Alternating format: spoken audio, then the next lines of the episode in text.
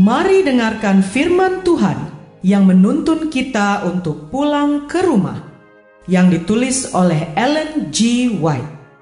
Melalui renungan pagi ini, kita akan belajar untuk berani menghadapi masa depan, karena kita tidak lupa pimpinan Tuhan di masa yang lalu.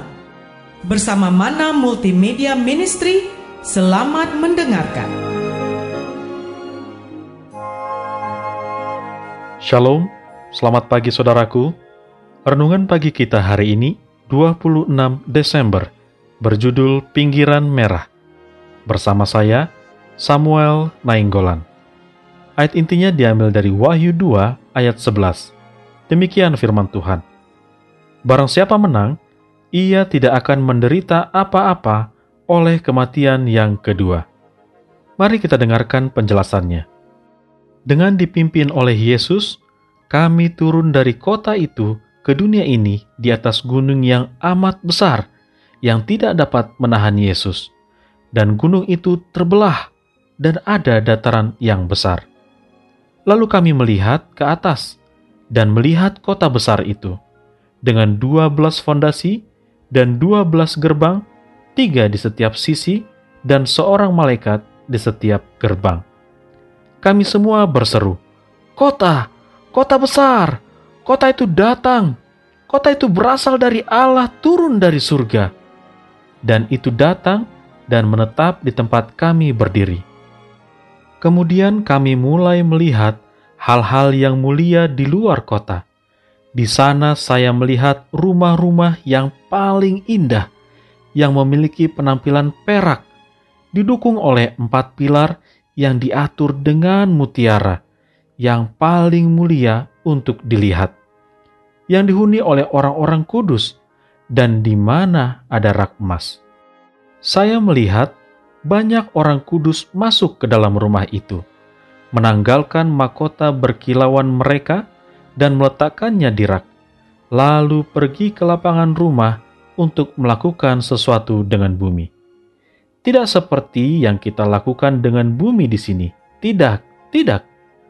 Suatu cahaya yang mulai bersinar di seluruh kepala mereka, dan mereka terus-menerus mempersembahkan puji-pujian kepada Tuhan.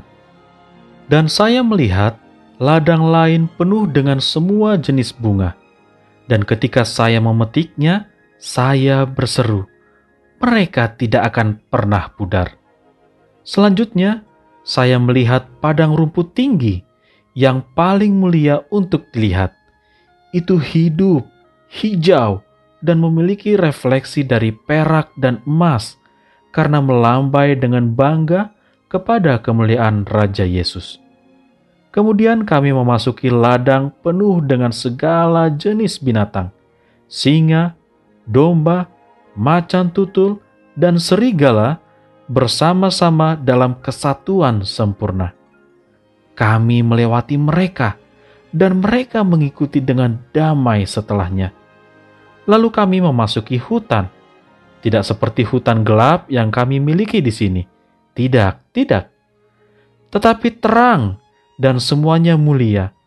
Ranting-ranting pohon melambai-lambai, dan kami semua berseru, kami akan tinggal dengan aman di padang gurun dan tidur di hutan. Kami melewati hutan karena kami sedang dalam perjalanan ke Gunung Sion. Saudara-saudara yang terkasih di dalam Tuhan, ketika kami mengembara, kami bertemu dengan sebuah kumpulan yang juga sedang melihat kejayaan tempat itu. Saya melihat warna merah sebagai pinggiran pada pakaian mereka. Mahkota mereka cemerlang jubah mereka putih bersih. Ketika kami menyambut mereka, saya bertanya kepada Yesus, "Siapa mereka?" Dia mengatakan, "Mereka adalah para martir yang telah dibunuh untuk Dia." Bersama mereka ada banyak sekali anak-anak kecil. Mereka memiliki pinggiran merah pada pakaian mereka juga. Testimonies for the Church jilid 1 halaman 67 sampai 69. Doa kita hari ini. Bapa, terima kasih. Melalui renungan pagi ini, kami boleh mendapatkan pengetahuan tentang keadaan dan situasi di surga. Kota yang megah dan suci itu, di mana telah tersedia rumah-rumah yang paling indah bagi orang-orang kudus yang selalu setia melakukan kebajikan dan menuruti akan perintah Allah selama hidup di bumi ini. Kami tahu ya Bapa, akan banyak tantangan dan godaan yang menerpa kami dalam mengikuti Engkau.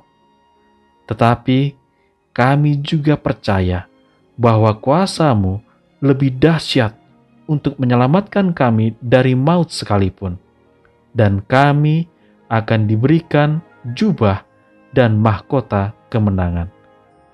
Tolonglah kami hari ini ya Bapa, biarlah dengan pertolongan kuasa roh kudusmu, boleh menuntun kami untuk hidup di jalan yang benar, selalu setia dan berserah kepadamu, sehingga kami beroleh damai sejahtera dan keselamatan. Terima kasih Bapa. Inilah doa dan permohonan kami kepadamu. Dan biarlah kehendakmu yang jadi atas kami, di dalam nama Yesus kami berdoa. Amin.